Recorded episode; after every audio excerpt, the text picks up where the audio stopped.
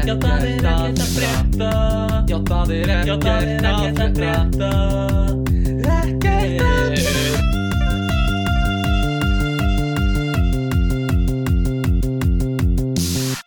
Hæ, Blessaður kemur oftinga? uh, Já, svona 5 sinni viku Ok uh,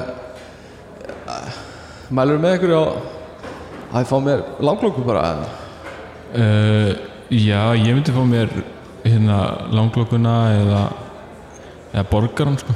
Ok, ég er í Sagfræði, í Já. alveg, ég er í lögfræðinni sko. Ok. Kemur oftinga?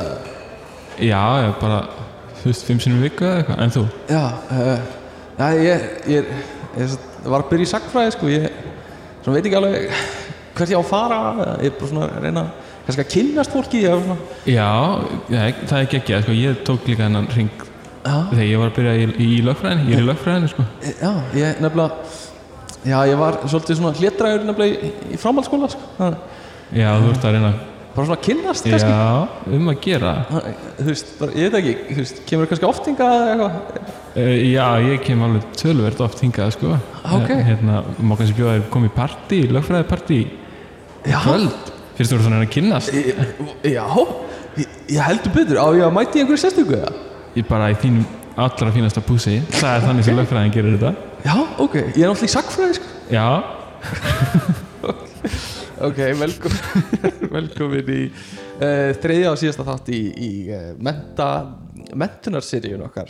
Uh, þar sem við erum að tala um háskóla og uh, hérna uh, ræðum við uh, Kolbrúnu Pálsdóttur og, og Róbert H. Haraldsson sem er sem eru hérna Kolbrún er fórsetið mentavísindasviðs mentavísindasviðs við Háskóla Íslands. Við Háskóla Íslands. Og Róbert H. Haraldsson er, er sviðstjóri kennslumála. Eða kennslustjóri heyrði ég einhvers þar Mhm. en ég held að sviðstjóri kennslumála sé, sé hérna official titill. Mm og þau eru þau eru vita, Hjón. já, þau eru, ok ég ætla að segja að við vitum hvað þau eru að tala en Já. þau eru vissulega hjón um, þau eru hjón og uh, þau eru góðu vinnir uh, fjölskylduna minnar eða Mhm. fóreldra minna og, og, og, og hérna ég hef þaukt þau frá, frá, bara, frá því ég fættist þannig að það var uh, virkilega gaman að fá þau í spjall sko en þau eru þú veist, ment, forseti mentavísindasviðs það Mhm. verður ekki meiri mentur er það. Og ken, sviðstjóri kennslumála er líka verður ekki meiri kennslu mentunar legra en það. Og eru bæði mjög akademísk og hafa lif, lifað og, og hræst í háskóla akademíunni bara alla sína æfi eiginlega. þau vita ekki hvað þau eru að tala um þá veit það enginn sko. Uh, og og þau eru ekki til að koma með skúpið sem við erum búin að vera að leita að. Gera það enginn Það sko. er engin. Uh, en hérna þau eru náttúrulega það, það er eiginlega að vera í þessum stöðum sem þau eru. Uh, fórseti sviðis og, og hérna einhver svona hátsettur inn á kennslusviðinu og eitthvað svona. Þá þarftu að vera smá pólitíkur sko. Já, og sérstaklega í háskólanum ég býst svo sem við að þetta sé í öllum stjórnunum í metakerfinu þannig að í metaskólastjórnun og, og grunnskólastjórnun en ég held að sé aðeins meira í háskólanum sem er svona pólitík til að ná framgöngu og verða prófessor og, og verða hérna deildarfórset já, já innan, innan skólans. Já, innan já, skólan sko. Og hérna uh, þau hafa heldur betur uh, uh, þú veist, tekið þátt í þeirri pólitík sko, Mhm. og staðið sér mjög vel og, og vita alveg hvenær þau með að segja eitthvað og hvenær ekki sko. Mhm. og hérna en við áttum rosa gott spjall við þau og, en þetta var svona kannski sáþáttur sem ég hefði viljað fá aðeins meiri tíma í Uh, við gerðum þetta svolítið á hlaupum ekki það að við hérna, uh, það vanda eitthvað sérstækt í þáttin heldur bara, ég hefði viljað ég hefði alveg verið til í að spjalla við það lengur sko. Mhm. það er svo, svolítið gaman að spjalla við nefnilega bæði fara dýpra í, í einhver, einhver umræðefnin og Mhm. snerta á fleirum og, og þetta er þátturinn það sem eru sko tveir viðmælendur uh, ég hugsa þessi að kostur og gallar við það sko mm uh, kostin er náttúrulega að fá fleiri sjónarhótt og hægt að byggja ofan á hvort öðru og svona sem Mhm. gerist klálega kannski gallin er að, að hérna, uh, þá er helmikið minni tími í fyrir, rauninni, já, fyrir hvern og einn til að, til að svona drill, drill svona, svona, já, bóra aðeins niður í, í hérna Mhm. merkin sko. Mhm.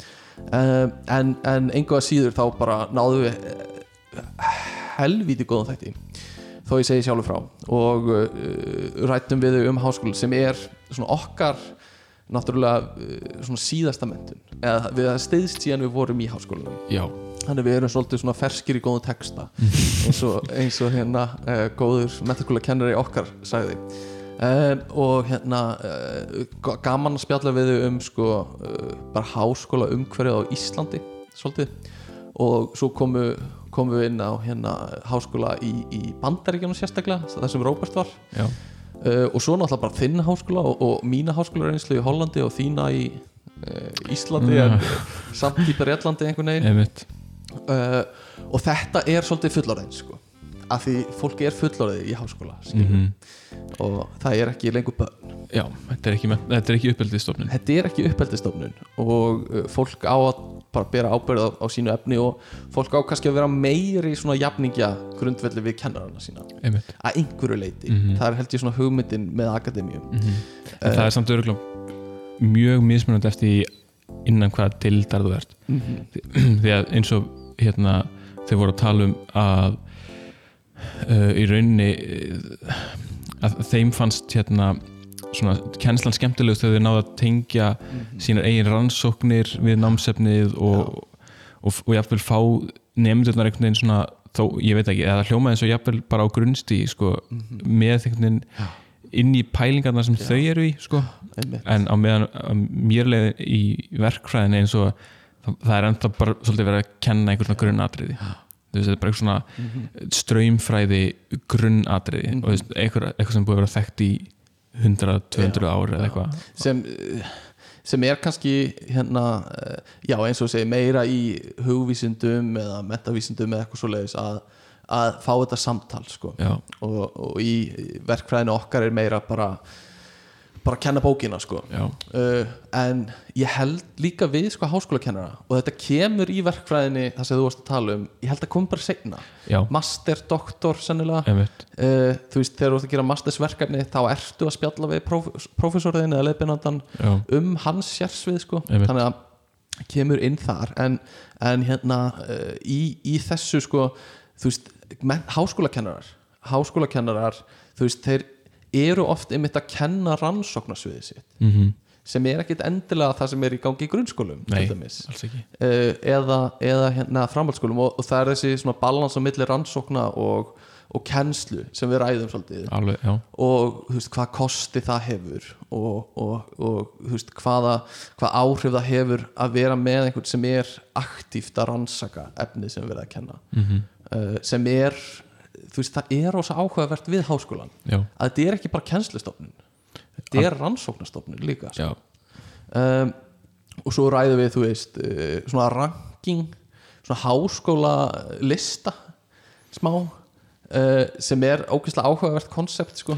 Já og er mikið rætt uh, eða svona, alltaf verið að tala um að Háskóli Íslands er komin í einhver sæti Já. 100 eða 400 eða eitthvað en hérna og hvað telur inn í það? Já, einmitt, þú veist, rannsóknir, kennsla, Mhm. gæðikenslu eða, eða íslensk erðagreining Já, eða bara, er það bara Er það bara Kári Stef sem, að, sem að ber ábyrð á því hvað, að Háskóli Íslands sé skrifaðar hann heldur er. sko. já, ég hugsa það sko. Að miklu leiti uh, en uh, já, við tölum um það og svo aðeins um pólitíkina og eitthvað svona. Uh, þannig að þetta er, þetta er ógislega svona mm, fjölbreytt af því þetta snertir inn á ekki bara námomentun, heldur líka akademíu og, Mhm. og hérna og fleira og þannig líka í, inn í háskólanum er þetta uh, sem að Kolbrún talar talsvert um uh, samtalið við við samfélagið veist, sem að á sér kannski ekki mikið stað inn í grunnskólanum eða framhaldsskólanum. Nei, einmitt, þetta er mm, svolítið bei, beinni tenging einhvern veginn við samfélagi við atvinnulífið í gegnum nýsköpun og, Algjörlega, algjörlega. Og háskólinni í Reykjavík er nú bara með þetta í slagarunni sinu held ég. Bara tengslu við atvinnulíf já, já, já, emitt man það er ekki nákvæmlega. mikið á því uh, en hérna, svona þín reynsla af háskólum. Mhm. nú ertu bara nýskriðin út úr við báðir já, út, úr, út úr þessu umhverfi. Mm uh, hvernig uppleiður þessi ár þennan tíma? Uh, í Háskóla Íslands þar sem ég lærði efnaverkfræði uh, í sem, eða grunn sem sagt, bachelor gráðu bakkalár. Bakkalár þar ég hafði mjög bara gaman af þeim tíma. Mhm. uh, og bara uh, margir góðir kennarar og Mhm.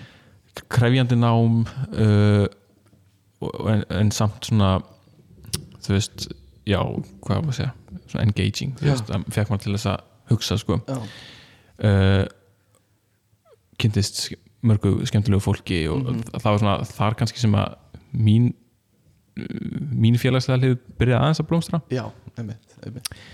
en svo í hérna Imperial College í London þar sem ég tók mína masterskráðu sem að verður eitthvað rætt í, í samtalinu eða í viðtalinu uh, það var náttúrulega á COVID tímum sko, Mhm. þannig að er þetta að segja kannski hvað hefði verið en, en það er kannski ekki ég hugsa ekkit mjög hlýlega til þeirrar Nei. mentastofnunar sko.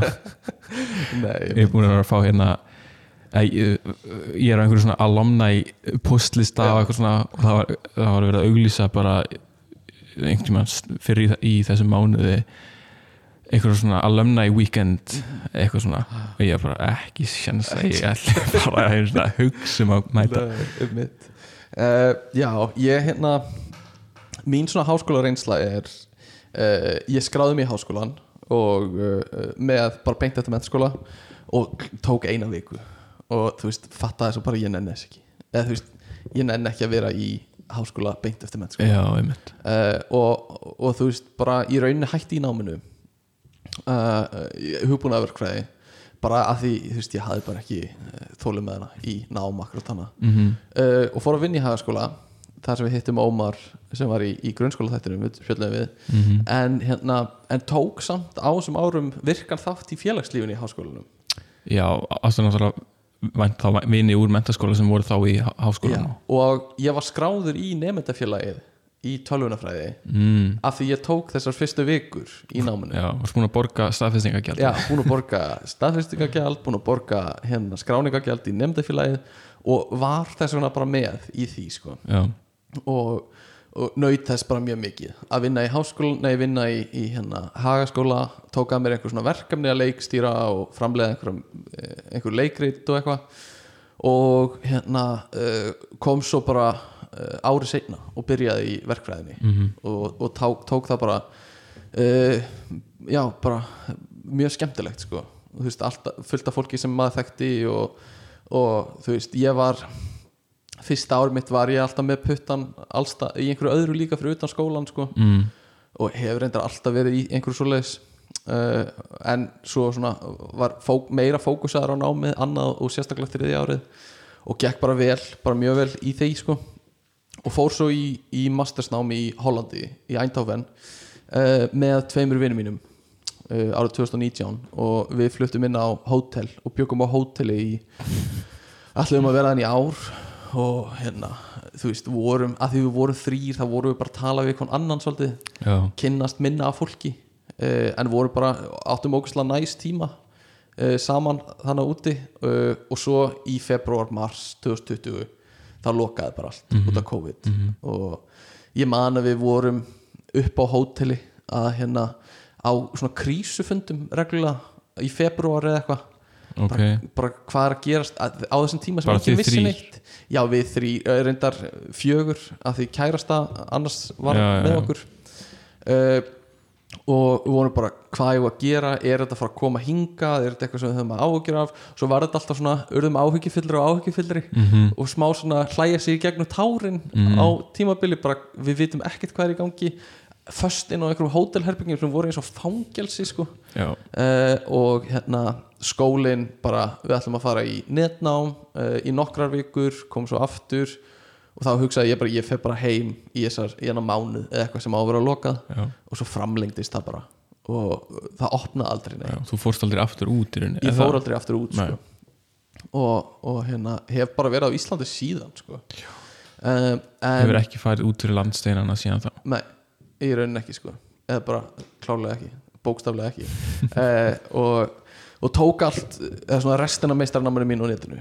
Eitt, eitt ár, eitt og hálft ár kannski. Og, og skrifaði rítgerðuna mína hérna, djöfull var það leiðilegu tími.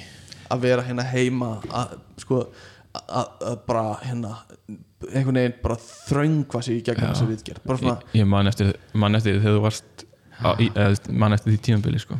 Rosalegt sko. Það var erfitt. Að því, þú veist, maður byrjaði um áramótin og ætlaði að vera búin í kringu sumarið. Þegar sumarið kom, var maður ekki komin neitt áfram sko. Já, og þú veist, allt sumarið meðan aðrir voru að gera alls konar skemmtilega hluti þá var bara fókusað á þetta. Mm klára þetta.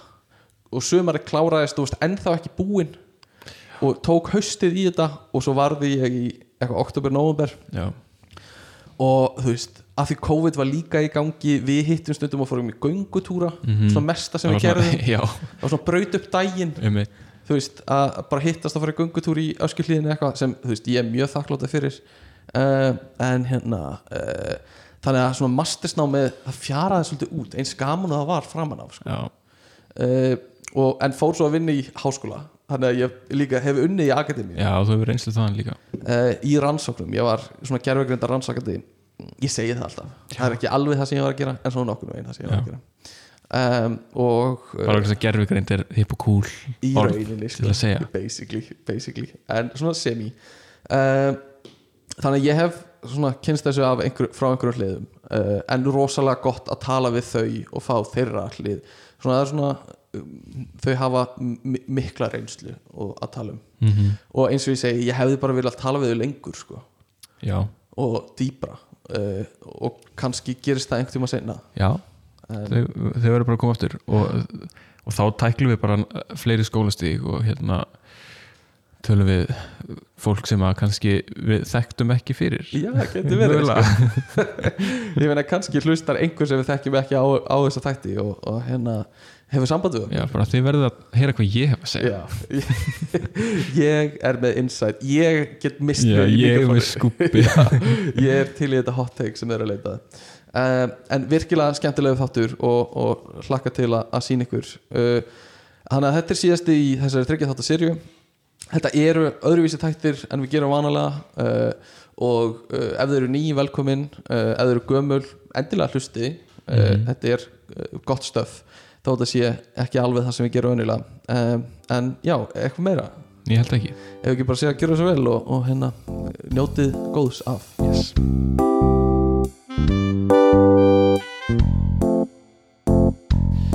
Til okkar eru komin Kolbrún Þorbjörg Pálsdóttir og, og Róbert H. Haraldsson uh, og ætla að ræða við okkur um, um háskóla. Og ég ætla bara að byrja því að segja svona ég upphæði þáttar að ég, ég þekki ykkur við erum við erum uh, vinnir, vinnafólk og hef þekkt ykkur bara frá fæðingu og bara þakka ykkur fyrir að koma og vera tilbúin að spjalla. Um, en kannski til að byrja bara fá aðeins svona kynningu á ykkur, Róbert. Ef við byrjum á þér, bara við hvað starfaru kannski og, og hvað ertu mentaður og svona? Já, sko, ég, svona aðalstarfi mitt uh, undanfarin farna áratöði hefur verið að ég er prófessor í heimsbyggi en núna síðustu uh, sex ár rúm þá hef ég verið kennslustjóri Háskóla Íslands. Einmitt, og hérna það, það er, ég var mentaður uppalega hérna við HÍ í sálfræði og heimsbyggi með uh, fortgrísku sem aukafag. Já, og síðan uh, síðan fór ég í framhaldsnám til Pittsburgher og læriði heimsbyggið þar þar tók ég mína doktorskráðu og hefur verið svona akademíum aður já, ég hef verið alla mína starfsæfi innan akademíunar já, en samt að ég minnst mikilvægt að segja það alltaf strax að ég, ég hef alltaf rækta mjög tengsl við svona samfélagi verið í alls konar verkefnu hér og þar í samfélaginu þannig að en, en starfsvættfangurinn alla tíð hefur verið akademía. Einmitt, einmitt. Uh, bara frábært að fá þig og, og hérna hlakka til að heyra svona þín uh, þín svona uh, já, þína skoðanir á þessu sem við ætlum að ræða. Og, en svo er Kolbrún líka hérna Kolbrún. Uh, hvað gerir þú? Og, og við hvað ert þú mentuð? Nákvæmlega, ég, við Róbert störfum bæði við Háskóla Íslands og hérna ég er semst mentuð, ég er semst með doktorsprófi í mentunafræðum en byrjaði reyndar í heimsbyggi þannig ég tók bíðan og heimsbyggi á henni fór í mentunafræðin en ég hef bara alla tíð semst starfaði sem ung manneskja mikið á leikskólum og, og hérna hef alla tíð haft mikið áhuga á bara þroskaferli manneskjunar Þannig að hérna, það er nú kannski engin tilvíljun hvar maður, að maður lendir þar sem maður er. En ég hef hérna síðustu fimm árin starfað sem, sem sagt, fórseti mentaustasvis sem er eitt af fimm fræðasviðum háskólans og er dósent í tómstund og félagsmálafræði. En við, ég sem sagt, mitt doktorsverkefni fjallaði um hlutverk og markmið frístundaheimila fyrir, fyrir ung skólaböld einmitt. Uh, já, hérna þannig að það er, við erum með stóru pissunar í stúdíónu að að ræða og hrifja mentamálin og uh, bara eh, ég er ógeðslega spenntur eh, yfir þessu og hérna uh, ég er alveg upp af tveimur he- heimspekingum siðfræðingum og svo vorum við alltaf heima hjá ykkur sem eru heimspeki ment, uh, og mentunar, kennslufræði mentuð og, og heimspekingar. Þannig að hérna svona uppeldi mitt var rosa mikið í kringum þetta og rosa svona skemmtileg spjöll sem voru alltaf í gangi. Um, en hérna já, sko að því við erum að ræða mentun og uh, Björgvin, þú hoppar bara inn í þú ert hérna á ég hliðalínni gerir það. Uh, þá kannski langaði með að spurja muni þið eftir einhverjum sérstökum kennara í ykkar mentun eða námi sem hafði áhrif á okkur og hvað í fari þess einstaklings var það? Já, ég get sko bara að byrja. Já. Ég hérna, sko get alveg, gæti örglega nefnt nokkra, en það er eitt sem að eh, snert mig hvað mest og, og, og sem, sem, sem áslega ung manneskja, þá var ég í Ísaksskóla og fekk hann að herdi sig Egilstóttur sem kennara, reyndar kendun mér bara í hálft ár Ok. vegna þess að kennarin sem að var að kenna okkur veiktist og hún steig inn. Og Herdís Egilstóttir notar mjög, hérna notaði og byggði upp mjög áhugaverða kennslu aðferð sem fólst í því að hérna eh, svona sögu aðferð að búa til hver bekkur sem hún vann með bjósið til sin einn þjóð. Bjósið til sin einn tungumál sin einn fána, sin einn siði og skipti með sér verkum. Og var einhvern veginn algjörlega snillingur í því að svona snerta við krökkunum í bekknu sínum og fá þau til að vera virk og vera með. Þannig að það sem ég held að hún hafi gert rosalega vel og þessi kennsluaðferð sem að hérna hefur uh, halda, sem, sagt, sem fleiri hafa verið að nýta sér í svona ólíku formi mm þarna, þessi sög, svo kallega sögaðaferð það er alveg frábæra leið til þess Já. að ná til batna Við gerðum eitthvað svipað já, okkar- ég man eftir því. Við Björgun vorum semst, höfum verið í sama, sama námi. Við erum eiginlega sami einstaklingurinn sko. Að hérna í, í gegnum bara síðan í leikskóla sko. Uh, En hérna já þessi þáttaka sko nefnda að virkja þá í þáttöku og, og, og fá þau til að hafa áhuga á því sem þau er verið að kenna. Uh, Getur góður kennari gert hvað sem er áhugavert í ykkar augum? Eða er bara sumur hlutir leðilegir Eh, og skiptir þá máli kannski nefndin eða hvað það er? Ég hérna, held að góðu kennari geti gert ansi margt áhugavert. Uh, og þegar þú spurður um eftirminnilega kennara þá st- staldraði ég við aðeins setna skólastegin Kolbrún. já, Ég svona fór að hugsa um fyrstu ári mín í Há- Háskóla Íslands. Einmitt. Að þar var ég með mikið af eftirminnilegum svona bæ, bæði í grískunni, hinsbygginni og sálfræðinni. Eitt kennar í hinsbygginni var, var mínum huga mjög eftirminnilegur að því að hann var svona óhrættur við að byrta erfið verkefni og segja okkur að hann væri kannski ekki búin að finna lausnina. Já, og mér fannst svona í grunnskóla og framhaldsskóla þá fannst manni meira eins og kennarinnir ætti að vita allt sko. Og svo kemur maður meira í háskóla þá hittir maður fyrir kennara sem segir veist, ég er bara ekki búin að leysa þetta. Og það virkjar rosalega svona stolt og, og maður, já nú, nú kemst ég fram úr kennaranum.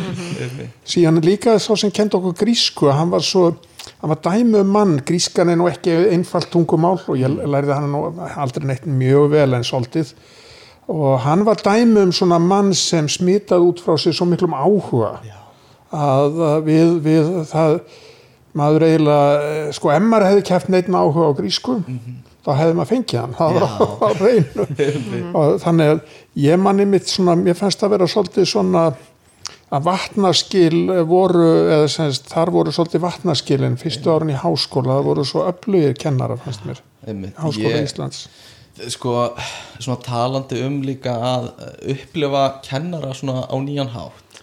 Ég, man, ég byrjaði ég eh, fór að vinna í hagaskóla eftir mentaskólan hjá mér og var svona stöðningsfulltrúi og var þá bara með kennurum á kennarastofunni.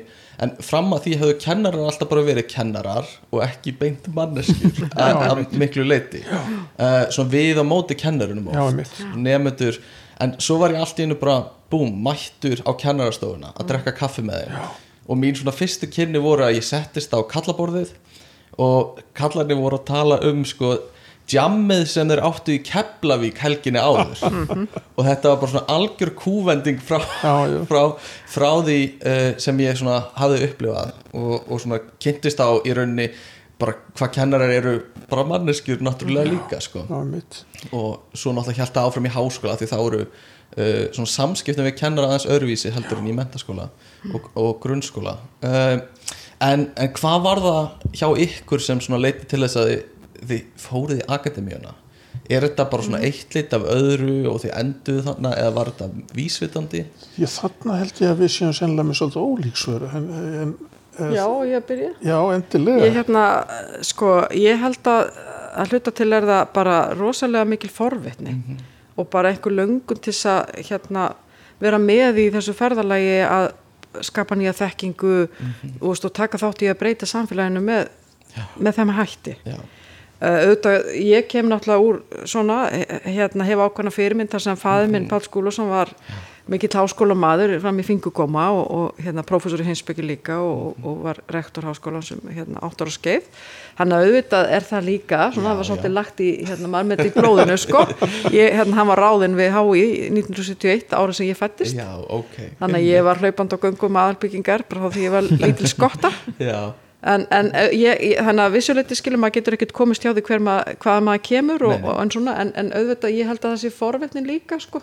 Já, það er eiginlega alveg andstæða hjá mér. Ég kem úr svona bakgrunni þar sem faði minn var um, ekki, um, ekki einu sinni með framhaldsskólamentun, uh, valla, grunnskó, valla grunnskólan og, en mjög klár maður og ræðinn og svona orðheppinn og, og hérna mikill áhuga maður um allt. Já, og þannig að hann, þegar, þegar þannig aðstæða er þá er þá er sko gríðar, þá getur það brotist út sem gríðarlega mikil kvartning til barnanaðina að fara í mentun sem þú fjast ekki. Já, uh, ég, en sko það er nú svona ein ástæða langt í bakgrunnunum, svona kvartning frá föðum mínum og, og líka fóstufóruldrum en, en það sem skipti sköpu hjá mér var eh, held ég svona Uh, í framhaldsskóla kynntist ég hópi af ungum mönnum sem höfðu gríðarlegan áhuga á skáldskap, heimsbyggi, fræðum langt út fyrir skólastofuna. Já,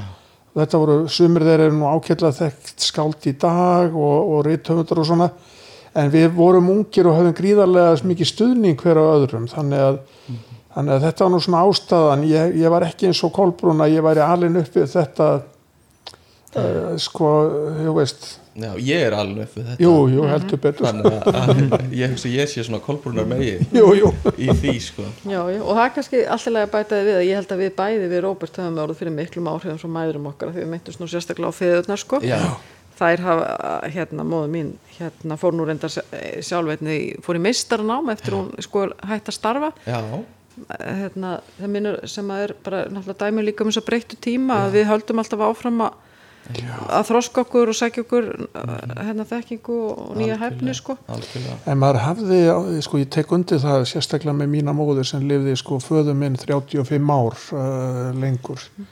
Mikil, mikil stuðniskona uh, en, en ég man líka að, uh, að maður hafði svo mikla og djúpa virðingu fyrir háskólanum þetta eru sko frá því að ég fór í fyrsta tími í HÍ eru liðin 43 ár, tímin líður. Tími liðin Já, heldur betur. Og það er töluvert sko það er töluvert þá var einn háskóla á Íslandi svona, svona næstu, svona svo, svo gott sem uh, og uh, núna er þetta orðið miklu algengar að, að þetta þótti svolítið svona eitthvað sem þú uh, hafðir sérstaklega orða og var rætt við því hverju ferming öllum veistlum og svona, já, ertu þar? Og þa- þannig að háskólinn var líka fyrir manni mikið hóf Mi- mikið hóf Mér langar að nefna eitt enn sem að dró mig ítti virkilega mér að fara í doktorsnám. Og það var það að mér fannst vanta rannsóknir og skilning og þekkingu á mikilvægi óformlegs náms. Og þess að þú veist, við erum með formlegt mentakerfi sem eru okkur auðvitað gríðarlega mikilvægt og höldum þar utanum og notum það til að reyna svona tryggja svona ákveðna grunnstóður í lífi allra batna sem fari gegnum þetta skildunám uh, en síðan er hérna, æskulisvettangur frístund og tónstöðstarfi og það sem gerist bæði utan skóla en líka óformlega námið inn í skólanum. Já, já. þetta snýst allt um að snerta við einstaklingnum og það gerist svo oft einmitt með þessum óformlega hætti. Og hafa örugt uh, svona örugan stað Já. og það segir líður vel og getur þroskast í kringum aðra og samfélagslegu þroski Já, og alls konar. Þarna kemur líka fram munur hjá okkur Kolbrún að hún- er að lýsa svona kannski svolítið evrósku doktorsnámi það sem er svona, þú ert, kannski, þú ert búið með meistaranám þú ert uh, búin að fá mótaður hugmyndir en þú hvart vinna og ég öfundaði þetta pínlítið, ég fór í amerísku leiðina já, þá byrjar á tvekja þryggja ára námskeiðahaldi og þá ertu meira bara alltaf með pressuna á þér. já, ég er svona, þegar ég heyri Kolbrún að tala, ég hefði gætna vilja mæti í doktorsnámi svona mótaður hugmyndir um hvað ég hefði vilja vinna að. En má ég minna á það að ég skrifaði fyrst umsókn með annari hugmynd Já.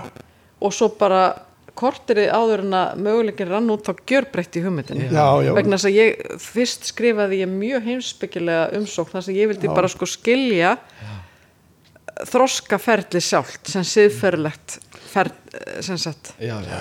og, og áttaði mig, sko ég ætlaði bara að reyna að ramma bara að vera með helda myndina skiljiði.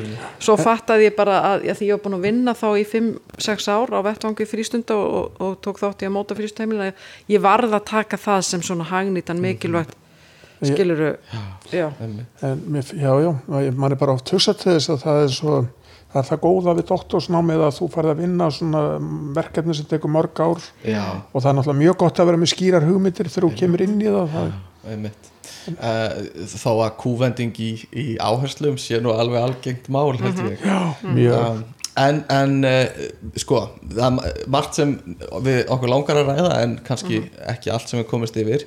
Uh, svona spurning sem við höfum spurt bæði grunnskóla uh, hérna fólkið sem við höfum talað við á mennskóla uh, kennaran var hérna hvað er það sem sker þetta mentastig frá öðrum mentastigum?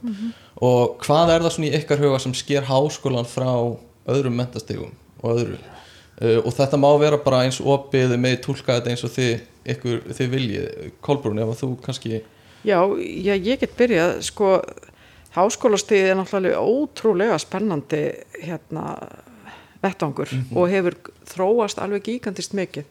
Bara við lítum á síðustu 20 ár eða hvað þá 40 eða lengra aftur í tíman sko. Uppalega er háskóla náttúrulega svona stofnum sem er mentar hérna embætti stjættinir okkar og, og, og smátt og smátt bætast fleiri hérna fræðigreinar og fög við og, og, og í dag erum við náttúrulega með gríðlega sem sagt það sem hefur verið að gerast er að grunnmentunin er alltaf að færa stofar. Þannig að núna er eiginlega má líta á svo að bara það að taka bíapráf er kannski eins og að taka stúdinspróf fyrir BS já, BSB Já, að taka grunnám í háskóla það liggur við að það sé bara orðið svona hérna, líkitinn að, að, að atvinnulífinu sko. og, og við höfum líka bara verið að sjá fagnám alls konar eins og, eins og kennaranám uh, sem færðist á háskólasti 1971 árið sem ég fætti meira þess að lauruglunám lauruglunámið, Já, já. dæmi, gott dæmi á nýjustu, Fóst- síðustu árum sko, leikskólakennarannámið uh, það var íþróttakennaranám uh, þroskaþjálfanám þetta eru allt fræðigreina sem voru áður í sérstökum skólum, sérskólum sem saminuðust kennarháskólunum í lók 20. aldar og svo saminuðist kennarháskólun Háskóli Íslands og nú tekið þetta svolítið út frá því að ég starfa á mentaðastarsviði mentaðastarsviði varði í raun og veru bara til hérna 2008 ég man eftir því þegar að hægt að kalla þetta kennó Já, Já. kennara háskólin og, og bara í raun og veru eins og þess að háskólastíði er bara gríðarlega mikilvægur þáttur í, í samfélaginu sem að hérna, svona inn, innan frá þá sko nú náttúrulega ég hóf minn kennsluferil í grunnskóla kenna þess að núna er kalla 8. til 10. bekkur og svo í hveragerði ég og hverja gerði Já, og svo, svo, það, svo, svo hef ég ekki kent í framhaldsskóla þó ég kent í fósturskólanum, hann var nú á framhaldsskólastíði það er náttúrulega tvent sem er tildulega augljóst með háskólan að almennt gildir það er minni tímasókn og meira sjálfstætt heimanám mm svona ef maður skoða þetta bara út frá það held ég að sé, þá, þó að það sé aðeins breytilega eftir fræðasviðum uh, og uh, sérstaklega þegar ég var til þess að hefja nám þá var þessi munur alveg æbandi þú varst að koma úr í að vera 20-30 tími í viku í, í kennslustofunni yfir í að vera kannski 5, 6, 7 tíma. Og svo bara varst þú með þinn stapla bókum og allt þetta. Nú erum við náttúrulega flest svið að, að, kannski aðeins að færast nær til dæmis verk, verkfræð og náttúruvista sviða sem er mikið að dæma tíma með einhverju svona. En þetta er eitt og það er, það er, það er þessi miklu munur sem kemur líka fram í svona sjálfstæðu vinnubröðum og, og svona aftur pínlill munur á kennarum og, og, og fræðasviðum og deildum. Ég held samt að það sé til dæla algengt að við erum náttúrulega alltaf með þriðja augað eða innra augað á rannsóknunum að, að sko að það er, það er ég nefndi áðan hennar kennara sem ég hafði svolítið álita á að því hann hafði þetta hugri ekki að segja, ég veit ekki. Og það, það er svona aðeins, það er ekki það er ekki hérna það er ekki svona eins og uh, efni liggja allt fyrir. Það er verið að rannsaka og því fyrr sem að maður getur gefið nefndum þetta til kynna því fyrr finnst mann að maður sé komin inn í kjartma háskólan á já, Einmitt, það er eiginlega, þú veist, það er kennslan já, uh, og rannsóknirnar. Já, og svo auðvitað svona samfél samfélagslega áhrif og nýsköpun sem að hérna eru svona þessar þrjár grunnstóður í, í háskólastarfi. Og, og, og það gera sér ekki allir grein fyrir því þegar þið byrja í háskólanum að flest, sem sagt, fræðafólkið sem sagt, fastrána starfsfólkið okkar, akademikarnir, þeir eru með alltaf 50% rannsóna skildu þannig að þeir eru bara 50% í kennslu svo reyndar er það mismunandi eftir hvort út aðjónd, lektor, dósend eða prófessor það, það veit ekki allir þegar hefja halda bara að fólki sé bara að kenna. En það er þessi sko það sem er kannski, mér finnst einn af svona megin mununum á framhalskóla og, semst, og í háskóla semst, þetta er á að raun að vera, vera svolítið svona sameileg það er svo gaman að það er svo mikilvægt að fá háskólanemina með í þessa þekkingar leit og lít, veist, rannsóknir e- byggjast bara á, forvitni á umhverfinu og skilja veruleikan betur. Og, og það er þessi hóver sem er Róbert er að lýsa hjá sem kennara, sem segir bara ég er bara ekki, það er ekki komið lausn á þessu. Við vitum þetta ekki, við erum að vinna þessu. Og það er það sem þið sem að allir ykkur að stígin átt að fræðasvið, Einmitt. eigi síðan að bara taka við boltana leið svo verður líka að nefna annað að, að ég nefndi grunnskólan sko, það er náttúrulega eitt sem við erum laus við í háskóla langmestuleiti og það er aga vandamáli Já, svona mestuleiti hægt að vera uppelðistofnun já, já, það, það, er að er- komin það er svona pínu Jú, að að en, en allavega þarna í neðsta, ég er ekki að tala um meðalaldru núna heldur bara hvar þetta byrjar. En það var, ég var svo mikið rómatíkar þegar ég fór að kenna í hveragerði ég sá bara fyrir mér að ég myndi mæta svona eins og í dýri mín stór og smá. Já, já, já. Og, og, og svo myndu krakkarnir sitta og bara segðu mér meira Já. mistari Og captain my captain og... En, en þetta er meira bara þannig kem ég einhverju af?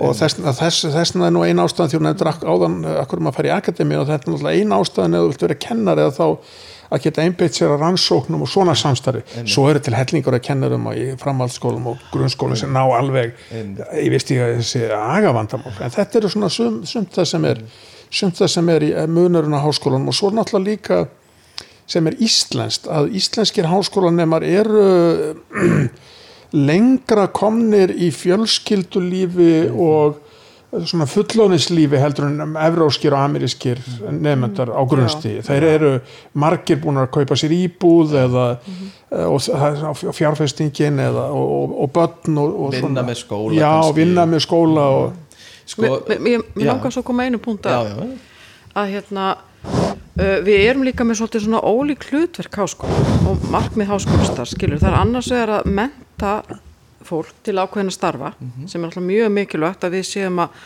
bræðast við þörfum samfélagsins og atvinnlýsins um ákveðna hefni og þekkingu, ég menn eins og bara mitt svið er að menta kennara já, já. og þróska þjálfa og tómstundafræðinga og íþrótt og helsufræðinga uppölds og mentunafræðinga og bara svo dæmi séu tekin, Já, já, já, ótrúlega já. mikilvæg svona grunnstóðir til dæmis bara inn í mentakerfinu og þar þurfum við að vera í mjög og við erum í mjög miklu samvinnu við samfélagi, við erum í samvinnu sveitafjölugin, skólana, aðra stopnanir og frístunda velferðar hérna stopnanir og, og bara fagstéttirnar. Þannig að við erum ekki einum að menta þessar fagstéttir. En þarna, þarna þarf að vera mjög dýnamísk og gagvirt tengsl og við þurfum að vera að miðla þá og vinna rannsóknunum með fagfólkinu á vettvangi. En síðan er hitt sem að Háskóli Íslands til dæmis hefur hérna verið að ná gríðalegum árangri það er þarna að vera bara framarlega mjög alþjóð, á alþjóðlega vettvangi í vísindum og rannsóknum. Og að vera mjög öflugur í alþjóðlegu samstarfi, við erum að byrta í, í fræðigreinum allan heim og í rannsóknateimum og erum bara skurum fram úr, við erum ótrúlega stolt af því hvað Háskóli Íslands hefur náð miklum árangri hér, að vera komin á Já, lista yfir 100 til 400 bestu háskóli heimi. En stundum er tókstrætt á þessara hlutverka?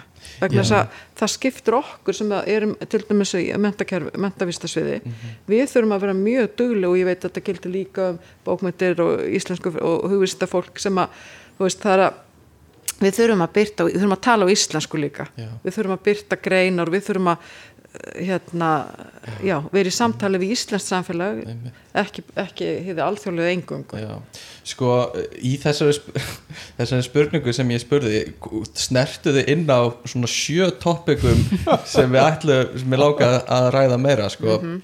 Og hérna til dæmis var það bara uh, hvernig uh, sko hvernig uh, erum við að meta uh, hvaðan fáum við þessa hugmyndum uh, hvað þarf að gera og hvað breytingar eins og með bara að taka kennarháskólinn inn í Háskóla Íslands er þetta uh, og sama bara með öll þessi mentunarsteg sem voru eitt sem sér háskólar og eru nú komin inn í Háskóla Íslands er það að fyrirmynd uh, erlendis frá eða var það af íllri nöðsinn sem þurfti að gera það?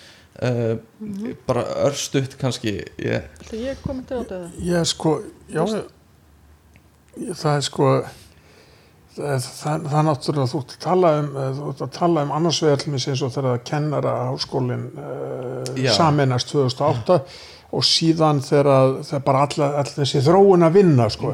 Og uh, uh, ég held að það sé gott að Kolbrún svara sér, ég bara að segja að, að maður hefur tekið þátt í svo mörgum svona þróunaverkefnum uh, hvort sem þá sér maður ansi oft að það eru sambærileg verkefni í gangi í norrænum háskólum og evróskum og bandarískum en hvort það sé alltaf beint samstarf þar á milli það er ekki, það er eitthvað í tíðarandanum skilur við, kennaramentun hefur verið að breytast úr uh, því að vera uh, vera meira háskólamentun og háskólastíða, öll stíðin þar. Og þetta er held ég ekki bara á, þetta er sannlega ekki bara á Íslandi. Nei, nei, við sjáum þetta svolítið verið að gerast í bara hérna landunum í kringum okkur og innan Evrópu og, og, og, og hérna víðar. Og þá held ég að sé svolítið, bara svolítið með þessi krafa um sko, me- meiri sérfræði þekkingu það er, það er þessi ábyrð og sjálfstæði til dæmis þegar við tökum kennar þessi dæmi, það er bara að gera krafa um að þeir séu mjög leiðandi á leiði skólaþróun, leiði fagþróunina. Og við til dæmis hérna hér á landi var sem sagt var eh, kennar, lögum um kennaramentum breytt uh, sem tók gildi 2011 að það var lengt úr þremur árum yfir í fimm, þannig að nú þurfa öll skólastu, öll, allir kennara þurfa að ljúka mestraprófi til þess að fá kennsluréttindi. Og það, svo umræða búin að vera í gangi alveg hérna 15-20 ár þar á undan. Og við erum með norðmenn og finna og sem að hafa stíðið þetta skref en, en hérna og Danir held ég líka en þetta er búið að vera svona að gerjast. En Þetta er rosalega spennandi spurning hvaðan svona uh, Stefán ef ég skil svona spurninguna rétt sko hvaðan kemur drivkrafturinn að breytingum á háskóla starfi Já. Já. já, já. Ég orða þetta svolítið skringilega. Nei, nei, en, en, en mitt hvaðan kemur svona drivkrafturinn og það er náttúrulega sko það er, uh, það er náttúrulega samtala á milli háskóla hér og þar í heiminum um, um ímislegt og mikil samvinna eins og enda á þann en svo er líka eitt sem við höfum gert mikið af og það er að skoða þarfir samfélagsins, þær eru breytilegar. Og, og, og það, er, háskólinn er svo fjölbreytilegu stundum er verið að breyðast við þörfum samfélagsins eins og, eins og, eins og, eins og með mentun kennara og breytingar á kennaranámi. Bæði lengingin og svo brey- breytingar á því. En, en svo er líka svo erum við líka að leggja meiri vinnu í það þegar við hönnum námsbreytir að skoða mm hérna hver er afstæða nefnda, verða, munum við fá nefndur í þetta, er þörf fyrir þetta í samfélaginu, þannig að líka þetta samtal við samfélagið, eh, í innlent, atvinnulíf og þjóðlíf og svo náttúrulega alþjóðsamfélagið, það eru verða framfæri gríðarlega í mörgum greinum og þá, þá þarf að huga því. Einmitt. Við erum náttúrulega mestuleita að menta okkar nefndur þannig að þegar þeir fá próskýrtinnið Já.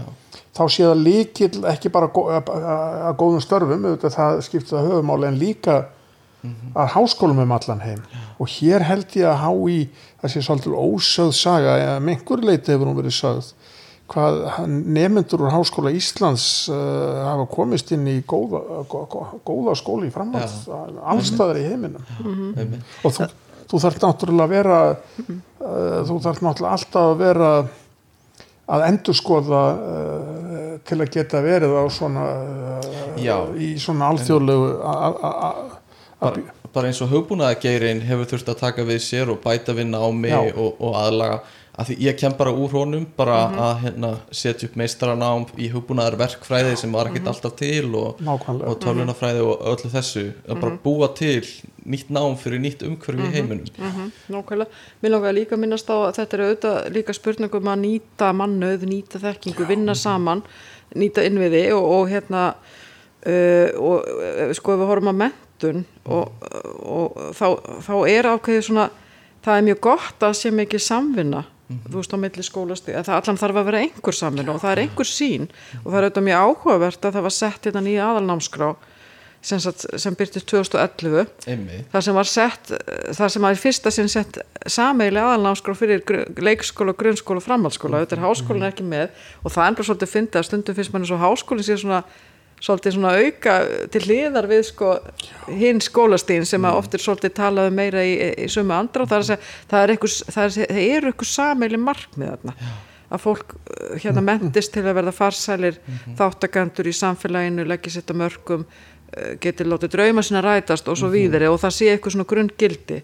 Og við, já og ég vildi segja sko með sko þegar kennarháskólinu verður til sem þegar þau saminast hínum skólanum og svo sömustu háskóli Íslands þetta er auðvitað ótrúlega merkileg saga. Já, og, og hérna og það, og hröð mörgu, já hún að er mjög hröð. og hún hefur ekkert verið sásökulegs sko. nei, nei, einmitt. þetta er ákveðin líka sásöki í, breyt, í þau möllum breytingum en ég sem er alltaf, þetta er bara þekkt í breytingafræðum. Og Já. ég viss, vissum að sé eitthvað sem er í gangi núna þegar eh, er verið að fá metavísardasviði yfir í hótelsögu já, já, það, það er gríðarlega spennandi. Það er, stóra breytingar. Það er stóru og mikla breytingar en það er svona það er ákveðin, það er ákveðin mikilvægt skrif töljum við til þess að svolítið að svona klára þess að, Mhm. að verða sterkari hluti að fá kom inn á campus Já, og kom, við erum á aðalsvæðinu fyrir nefndur okkar á aðganga stóðþjónustu og, og, hérna, og, og bara fyrir okkur að, að vera meira hluta samfélag auðvitað veitum við samt líka að það eru alveg vekkir þó að fólk sér hlið við hlið í húsi. Já, já, þannig að það þarf að En- vinna markvist í því. En, en metavísardasvið hefur verið upp í hvað, stakkarlíð eða, stakkarlíð og skipolti, Og við höfum verið að leia líka aðstöðu skipolti fyrir list og einmitt, sem hefur verið aðeins út fyrir. Um, en að því við þurfum að gera þetta á svona Já. smá hlaupum þá hérna, langaði mig líka að spyrja um uh, þetta er spurningin fyrir stóru spurninguna þannig að þetta er svona aðeins áður en að stóra spurningin kemur. Uh, en mér langaði að spyrja svona hvert er jafnvægi, gott jafnvægi og, og hvað skiptir máli í þessum efnum millið mitt rannsókna og kennslu fyrir góðan háskóla af því uh, maður ímynda sér að þetta er oft líka tengt inn í svona uh, hvað kallar maður, ranking eða einhvers konar stigagjöf háskóla Já. í útlöndum að, að góðu háskólanir eru oft með bara frábæra hérna, rannsóknar uh, teimi og svo kannski eh, tala maður við nefnendur og kennslan er ekkert frábær og jafnvel öfugt að það er frábær kennsla en rannsóknir eru ekki góðar þannig að hvar og hvað máli skiptir þetta jafnvægi? Ég vil endilega Róbert byrji. Já, sko, ég, ég, nei, ég held að, eh, sko, fyrsti punktur sem ég langaði að nefna það er kannski pínlítið persónlegur eftir að hafa verið 30 ára að kenna á mínu sviði að bæði hér heim og erlendis að það er, það er sko, mér finnst sjálfum bara sem kennara að við fáum alltaf viðbröð nefndana við fáum alltaf kennslukannanir og í HÍ er það, Háskóla Íslands er það miðsiriskonnun og lokakonnun Einmitt. þegar ég er að kenna eitthvað sem ég er virkilega rannsakað og, og, hef eitthvað um að segja og er svona frjór, þá fær maður alltaf betri viðbröð frá nefndum, bæði í tímum og svo í konnunum, að því að þá er maður Þetta er alltaf leið. Það er flugvél að fljúa hennar yfir þannig að hlustendur bara fyrirgefa það. Að, að, að, að, það, þannig að finn- og svo finnst mann það líka skemmtilegasta kennslan. Já, að, að, að þá er maður svona sjálfur auðvitað verði að setja eitt fyrirvara maður er ekki að þræða alveg sínar prívat uh, ánga í rannsóknum. Heldur sko það er mikill munur að fá að kenna námskeið þar sem maður er nýbúin að vera að rannsaka og er að rannsaka þó, að- þó maður sé ekki að kenna sína rannsóknir heldur en að kenna eitthvað námskeið sem að maður hefur ekki rannsakað í 10-15 ár. Kannski að kenna literature reviewið í rannsókninni þinni já, já, einmitt, en, og, og, já, og allt þetta. En síðan er sko held ég að sé mjög mismunandi eftir löndum. Já, hérna, það er alveg rétt. Rannsóknir ráða meiru um það víðast hvar hvaða, hvað, hvaða hversu hátt háskólanir en þú sko bandaríska háskóla það er heimurinn minn, Ísland og Bandaríkin bandaríkja menn leggja alveg gríðarlega áherslu á góða kennslu og eigða miklum fjármunum og, og eftirfylgni að tryggja að kennslan sé góð. Ein ástæðan er vafalítið svo að nefndur eru víðast hvar að borga híminháskólakjöld og þeir eru að koma til að verða læknar, lögfræðingar eh, veist, vísindamenn, Já. verkfræðingar og svo framvegis. Og þeir, þeir eru ekki endilega bara að segja já, vá, vá, þarna fer gríðalegu rannsakandi. Þau vilja fá góða Einmitt, og þannig að Björgvin, það væri kannski áhugavert að heyra svona þína hlið á þessu af því Björgvin var í meistaranámi í Imperial sem er bara tíundi besti skóli í heimi í, í samkvæmt einhverjum listum og eitthvað svona. Og hérna ég monta mig oft fyrir framann aðra, annað fólk bara, í- vinur minn var í Imperial eitthvað svona rosa klár. Eh, en hvernig var þín upplifun af kennslunni? Hún var, ok, ég reyndar með það er sá fyrirværi á að ég var uh, í náminu þegar COVID var í gangi. Já, þannig að ég tók allt mitt nám hérna heima. En samt sem áður þá fannst mér kennararnir ekkert svakalega metnaðafullir og auk þessum að það voru fáir áfangar, það voru fáir tímar það voru aldrei neginn verkefni á milli tíma það voru kannski eitthvað lokaverkefni eða lokapróf. Og mér leið svona eins og að já, mér leið bara eins og það væri engin metnaður þannig í kennstunni þrátt fyrir að skólinn sé þarna í einhverju topp tíu í Já, verkfræði einmitt. skólum í heiminum eða eitthvað. Þannig að það voru, það voru mikil vonbriði fannst mér.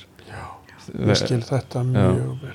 Þannig, og ég er svona velt, velti fyrir mig hvort að þessi reynsla sé algeng Mhm, eins og víðar. Já, hjá fleiri skólum í þessum stóru skólum er kannski svona Já, ég þekki aðalega HÍ og, og svo bandarísku háskólana og í bandarísku háskólanu var ég nú svo lánsamar að vera frekar í svona betri kantinum. Já, og þar myndi maður aldrei kvart út af þessu. Það nefndu væru í Colgate til dæmis væru svo fljótir að byrja kvarta. Já, Þú varst gesta professor í Colgate Já, já. 2017, 16-17 eða 15 til 17, 15 til 17 Já. einmitt. og þar, þar er náttúrulega eru, eru foreldrarnir eða krakkarnir eða væntalega foreldrarnir að borga svo há skólagjöld að það eru gerða mikla kröfur um kennsluna. Það var eins í Pittsburgh, University of Pittsburgh og ég hef heyrt þetta á mörgum öðrum. Ég þekki ekki, ég hef heyrt þessar sömu kvartanir og þú nefnir varðandi marga breskaskóla sem eru mjög hátt skrifaðir í rannsóknum. Ég þekki það ekki að persónlega. einmitt. það var, það var alveg þe- þegar, þegar hérna, námið byrjaði þá var, voru einhverju svona einhverju námsráðgjafar eða einhver, einhverju þannig típur að, tala um að það þeir, nefndum þurft að leggja alveg rosalega mikið á sig til þess að komast í gegnum þetta. En svo leið mér bara eins og, eins og ég þurfti ekki að gera neitt næstu sko, í gegnum önnina og svo kom jú smá svona, svona tímabil. strempið prófatímabil en samt ekki þannig að, að hérna, Við höfum, væri já, við höfum oft talað um þessi dýrstimpill sem hann var að borga fyrir Já, sko. einmitt. en, já, en slafst frekar vel við penningana en, Má ég aðeins koma inn í þetta Já, já, hérna, sko við eh, sko, bara tek undir með Róberti það er alveg ótrúlega það er einhver galdur sem gerist þegar okkur, þegar sko fókusinu er á að, að við erum að, að hérna eh, miðla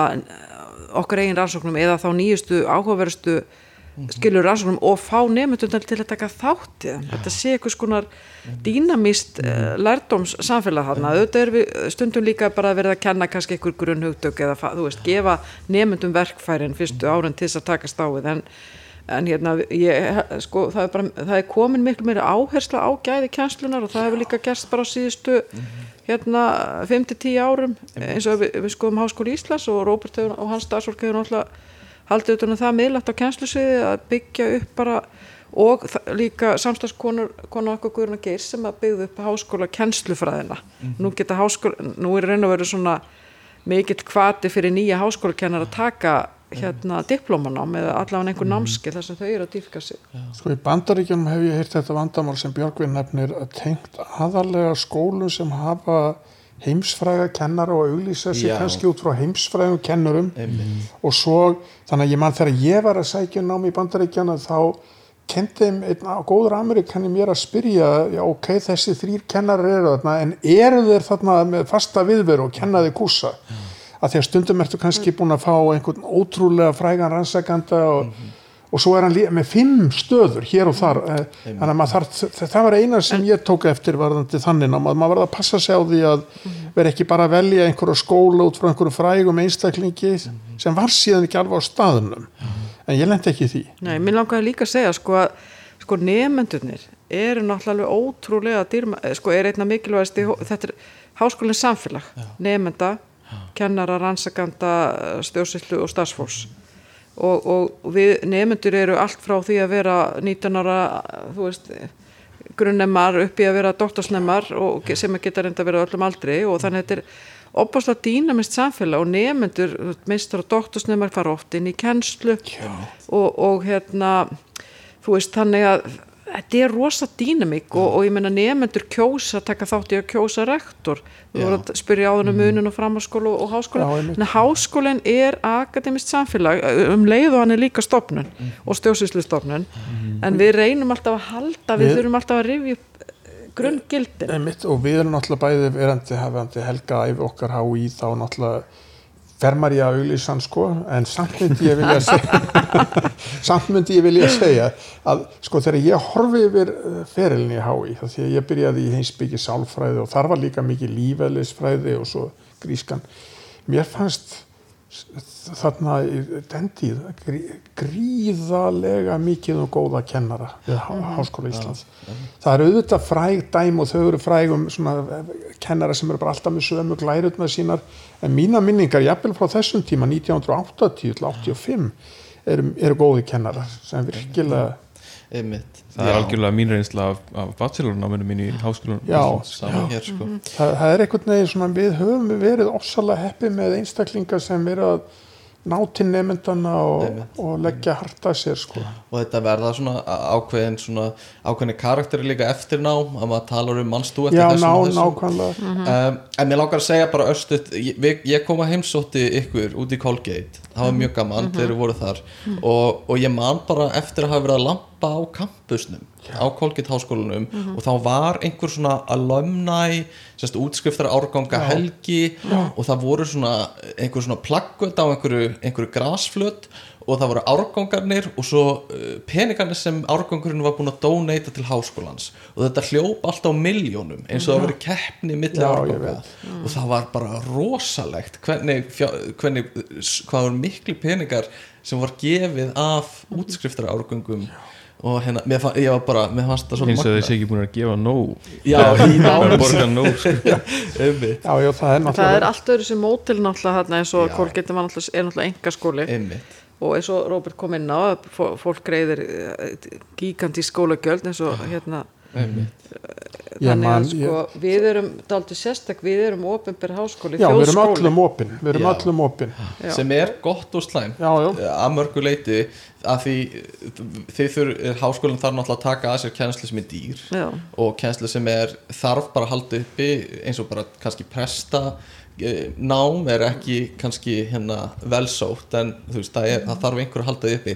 HR er ekkert að hlaupa í því að, að, kenna uh, hérna kristin eða prestnám eða djáknan eða eitthvað svo Nei, við, og við getum nefnt alveg mörg fleiri Já, slik dæmi um, um fög sem að þú veist, ég menna gríska hérna, við höfum nefnt grísku, já, það er og raunar líka bara innan vinsætla greina getur verið sko fög sem ég tek oft dæmi að því að fyrsta grískan var nefnd. Já, að þetta voru ekkert margi nefndur Nei. en þetta voru samt mikið af nefndum sem voru komnir tiltölulega langt. Þar að segja heimsbygginema sem ákveða að taka þetta þau voru að taka fortgríska heimsbyggi mjög alvarlega. Já, og vildu lesa Já, upphæflega textan málfræðingarnemar sem tóku þetta þeir voru að komni tildulega langt í málfræðinu, nú fór ég stutt sko, en, en þannig að já, það er mentahugsjónin sko. Mér langaði að spurja líka að stóru spurningunni sem gæti verið bara það sem við höfum tíma í í lokin sem er þessi þróun náms síðustu ár. Og kannski síðustu 20 10, 20, 30 ár hvaða breytingar hafið þið séð á og núna koma, kemur smá upptalning nefndunum og, og afstöðu þeirra til námsins og til kennarana og hvaða breytingar hafið þið séð líka bara á kennurunum og er, er eitthvað svona er eitthvað sem þið takið sérstaklega eftir? Er aðtiklis span nefnda að minka þetta er þessi Já, já, já, spurning já. sko. en svona hvað hva finnið þið fyrir? Hver er tilfinningin ykkar? Ertu að hugsa þá um háskólastíð? eða bara sérstaklega háskólastíði, já. Þetta heldur við verðum að varpa þessu aðeins á mill okkar Já, þetta er- Já, þetta er heldur betur, þetta er alltaf stór Þetta er spurning alltaf stór spurning en mér langaði að nefna að, að því þú nefnir síðustu 20 öður, mm -hmm. nýja öldin eða semst þessi öld. Í rauninni, já, já, og, og hérna það er náttúrulega búið að vera uh, svolítið mörg ytri atriði, það var hérna, það var, það var uh, bankarhunnið, já, síðan kom hérna styrking stúdensprósins það er nú nú ekki tengt bankarhunni eða aðri sér típ, eh, skilja það. Hafði áhrif á nefndafjöldan aldurinn og svona. Síðan uh, COVID og fleira og svo náttúrulega nútíma menningin ég hef tekið eftir svolítið breytingum á öllum þessum stigum. Ef, ef maður byrja bara hérna fa- ég var, að því að ég kenni heimsbygginni viðskiptafræðinni lagadeild. Ég spurði sjálfa mig eftir hrun mun ekki aukast svona svolítið gaggrínin hugsun hjá Já. nefndum munið þau ekki vera svona eh, þú veist þegar eitthvað kerfin stóru kerfin eru búin að bregðast ertu, og ertu þá ekki líklegri til að spyrja grundvallar spurninga og fara að pæla í hlutunum og fyrsta árið eftir, að, eftir hrun þá fannst mér svona eins og eh, svarið væri nei. Mér fannst bara eins og fólk væri dofið síðan tók ég eftir því að í þessum greinu sem ég var að kenna mér fannst þessi námskeið urðu vinsælli. Þau urðu hérna þau urðu svona eh, meira af mjög innbyttum nefndum fóru að hafa áhuga á réttar heimsbyggi eða siðfræði. Sko fólk sem er mjög gott í sinni sérgrein þetta var ein breyting sem ég tók eftir. Þetta er náttúrulega mjög þess vegna verið að segja við þurfum að velta þess Já, aðeins á milli okkar. Ég vildi koma einn móla svo ég glemdi þessu mikið en mér fannst svolítið breyting þarna í hruninu. Já, einmitt. Í framhald af því. Já, emmitt Ég hérna kannski bara nefna aðra stóra breytingu sem hefur orðið á síðustu árum og það er bara hversu fjölbreytilegu nefndahópurinn er inn í háskólan ok, þið tekið eftir áþrjóðulega mjög þar. Já, þá er ég að tala um sko bara þjó, sem sagt, bakgrunnur og já, bara bakgrunnur og félagslega staða og svona bara markmið með náminu eru orðin mun fjölbreyttari heldur en áður var og fjölbreyttari hópar að koma inn samhliða því að við erum að eh, taka, þú veist, breyta háskólanum eins og það að, að hérna, þessir svo kallu fag, háskóla fag framhalskólar komin á háskólastíð og veist, síðast lögreglunámið. Þannig að sko nefndahópurinn er orðin miklu fjölbreyttari og það er bara bæði gríðarlega jákvætt og, og svo fylgja því líka ákveðnar áskorunir þannig ég myndi segja það að svona markmið fólks með háskólanáminu eru farin að vera svolítið já, ólík og önnur heldur en áður voru, ka- var þetta kannski svona að þeir fóru í háskóla sem að brunnu fyrir ákveðnum hérna, þú veist.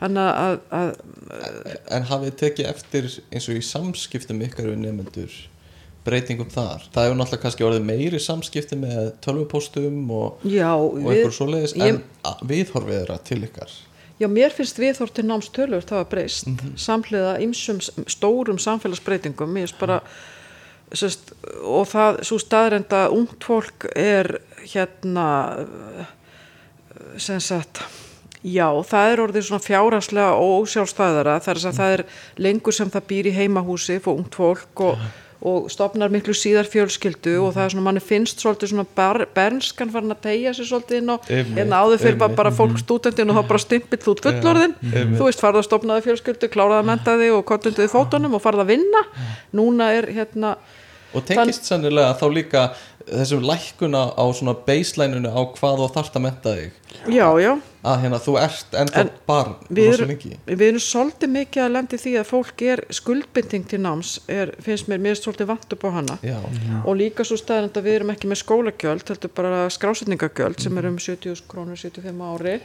Þú veist, fólk uh, skráið sér í háskólan og svo byrjar það og svo hættir það og byrjar og hættir og þú veist, það er uh, ég menna í Kolgett háskóla sem fólk var að borga uh, gigantísk skólagjöld þú ert ekkert að Nei. leika þér að hætta á miðju misseri, þannig að við erum það er svona mikið lós Já. sem er daldið sem hefur aukist já, já ég, ég myndi segja að ég var með sömu tilfengu hérna að þessu, þessu, þessu leiti sko. Að uh, það eru náttúrulega gríðarlegi kostir við HÍ að hann sé öllum opinn. Og ég myndi ekki vilja skipta á því og Colgate sko. Þó það væri en sko að því að þetta þjónar svona miklu fjölbreyttari hópi og ég sagði það nú í upphafi ég kom nú sjálfur ekki úr mentafjölskyldu sko þannig að ég þekki að hvernig það er að nota mentakerfi til að breyta lífs og þú vilt hafa hann opinn. Uh, en, en það er eins og Kolbrún segir það eru rosalegar áskoranir fólgnar í því. Og að því að þú nefndi Colgate og ég ber það saman að þar tók ég bara eftir því þá er ég búin að kenna 26 ári í HÍ í mörgum deildum. Já. og í Colgate þá var það bara þannig að þeir sem mætti í fyrsta tíman þeir mætti öll í annan tíman þriðja tíman, fjórða tíman og fymta tíman og svo framvegis. Þar var þetta nú tölvert íkt því að þar var mörg kerfi til að tryggja það að enginn ditt út. Það var svolítið íktur munur. En við HÍ þá er það náttúrulega þegar út með svona opinn skóla þá er bæði það að fólk skráir sér svolítið ná að og segja svona að ég er ekki viss um hér, ég er ekki viss um þetta náskið, það er eins og Kolbrún segir þá er meira rót á þessu og ég, ég hef ekki alveg tölu fyrir mér en mér finnst það ekki að minkað Já, þetta eru þetta er mjög áhugavert því þetta var einmitt kveikjan að, að þessum þáttum hjá okkur þróunin sko. Og ég ímyndaði mér svona í mínu versta svona staði í hausnum á mér að nefnendur hefðu orðið dónalegri og metnaðarleysi og bara svona allt svona að vesna og, og hafa bara er í námi að þið geta bara gert það uh, til hliðar og eitthvað svona. En, en finnst ykkur nefnendur ennþá góðar mannesk eða veist, Já, ég, veist, er ennþá von fyrir ég held að það myndi ég nú segja. Já. Mér finnst nú nefnendur upp til hópa alveg gríðarlega öflugur og skemmtilegur hópur og nú hef ég fengið síðustu fimm árum ekki nóg mikið tækverð til að kenna, vera meiri í hérna, þessari stjórnunarstarfi en, en, en var einmitt að koma úr námskeiði sem ég hérna, núna svona suma námskeiði sem við vorum að höfum fengið tækverð til að bjóða upp á. Já, en hérna þannig að mér finnst alveg ótrúlega mikil mannuður í, í, í íslensku ungu fólki og raunar fólki á öllu aldri og, og ekki síst sko ég held, ég ver, ver, við verðum eiginlega komin á líka tæknin og, og, og hérna það er fjölbreyttu leiðir sem við erum farin til að vinna með og tengja snemyndum okkar ge- gegnum öfluga námsvefi og, og, og líka þetta óformlega það er svona, það, sko, mér finnst það gefur tækifæri á sjálfstæðu námi og á samskiptu nemyndan í milli og öðruvísi svona tengingu við kennar og auðvitað finnum við alveg líka stundum fyrir, þú veist, svolítið svona að það sé verið að líta á kennarana sem einhverju svona, og nefndu sem skjólstæðing, einhverju þjónustu þegar og kennarni Já. bara framleiða þú veist, og glærnar eiga að vera komnar inn þú veist, deginum áður. Og Já. það finnst manni svolítið ósangjant og svolítið svona uh, svona mér finnst að við erum ekki að líta háskólanám sem einhvers konar bara vöru sem þú svona fáir aðfenda einhverju silfur fati og, og, og kennsla, já, háskólastíð á bara að vera alls konar, ég menna ég var hérna með einn kennara sem að sem að vildi bara, sem að bara mæti bara með bækurnar í tíma og svo bara sat hann og beðfangt og við fórum að ræða sko, áttum að vera búin að lesa efnið og bara hann ætlaði ekkert að fara að breytta ekki yfir okkur heldur, hérna, það er mjög áhugavert það er ekki svona vendikensla vendikensla já, Já, en það er, ég held að það sé, sko, að tala í tungutak vísindana að virkilega þess verið að skoða þessa tilgáttu sem þú varst að nefna með, með svona meginlegum og eiginlegum rannsóknum, sko. Maður heyrir kennarastundum tala um þetta, að Já, það sé, það sé búið, já, breytt viðþorfið og svona meiri kröfur. Það tengis nú líka meðal annars því að, að sem Kolbrún nefndi hérna fyrir í þessu samtali hvað hópurinn er breyður og fjölbreytur það, ég meina, það er ekkert langt síðan að fólki var að koma úr örfáum framhaldsskólan þess að það þekktist og það búið að ala svona allaðu tiltölu eins. Uh, það er rétt sko en, en mín reynsla, ég hef kent tölvört meira en Kolbrún með mínu starfi, ég hef hérna verið að kenna í heimsbygginni viðskiptafræðin þetta er náttúrulega mjög lítið með að við venjulega kennara þegar maður er í stjórnunastöðu en ég tek undir það að mér hefur um alltaf líka jafnvel við háskólanemana ég hef verið mjög heppin er þannig að ég- ég get ekki ég get ekki á einhverjunni eigin reynslu eh, svona farað að kvarta yfir nefndunum uh, mér finnst bara verst að þau, ef þau fá ekki tækifæri til að nýta þennan tíma í háskólanámi Já, til þess að fókusur á námið og til þess að er- vera að efla sig sem manneskjur. Þú veist, Það það er- of mikið, það er of, of mikið álaga á, á ungt fólk og á háskólanema þau eru þú þú veist að í vinnu þau eru með fjölskyldur og það er alltaf verið að reyna að gera allt í einu. Og við finnum mikið fyrir því núna til dæmis þegar að því við bjóðum upp á tölvöld mikið að fjarnám og námi með vinnu og mentastasið þetta er bara rosalega áskorum þannig að fólk er að ætla sér að vera í fullu vinnu, vinnu á leikskóla eða í grunnskóla og í fullu námi. Er Mér finnst þetta, þetta algjör líkilpunktur sko að ég er ofta að hugsa um þetta. Þegar að fólk er að spurja get ég eh, svona gert þetta í fjarnámi get ég gert þetta með þessum eða þessum nú getur fjarnáma að vísu verið mjög gott en það, þegar fólk helgar sig ekki náminu uh, og það er ekkit endilega með fjarnámi en ef þú helgar þig ekki náminu eða svona ég vinn í fullu og svona þá er ég ofta að hugsa hvernig mun þessi hugsa eftir 20 ár skilur við Ég, ég, ég hugsa svo hlýlega til háskólatíma að geta bara verið í þessu einmitt. og helga sér þessu og, og svona virkilega þannig að ég myndi segja að þetta er eitthvað sem við þurfum virkilega að skoða. En, mitt, en mér langar bara að minna á svona í lókina þú veist bara háskólinn sem við erum búin að fara í gegnum þetta er rosalega merkilegt samfélag akademist samfélag, þetta er líka stopnun Já. og stjórnsýsla og þetta er, er við gegnum svo mörgum hluturkum að þú veist, það er alltaf eitthvað svona dýnamík og einhver, það stundum skapast tókstyrta og það er verið að tóa okkur í ákveðna áttir en við sem á við náttúrulega bæði Róbert, svona, Róbert heimsbyggingur og ég heimsbyggi mentu þannig að við, við, við erum óslega inspirið að þessum svona grunngildum að standa vörðum þau. Og mér þú alveg falleg grunngildi háskólans sem að eru akademist frelsi jafnbretti og fagmennska.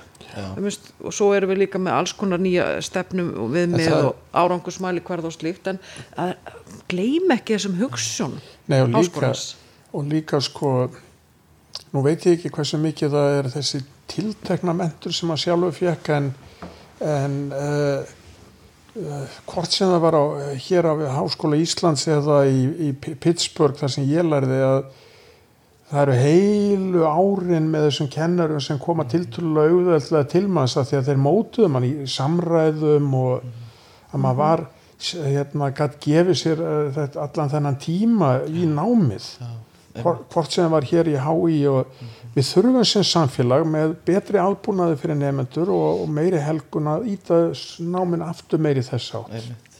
og ég vil nefna það að ég satt á fyrirlestum daginn sem að var rannsókn á, á gerfigreind Já. í háskólastarfi og, og þar sem að þetta er kannski niðurstofan orðin pínu úrelt núna er örglega búið að nýja rannsóknir. Þetta var stór rannsókn sem síndi það að þú að láta GPT tjatti leysa verkefni og síðan hóp nefnda úr, þetta voru einhverjir ég man ekki 12-15 háskólar semst, sem tóku þátt.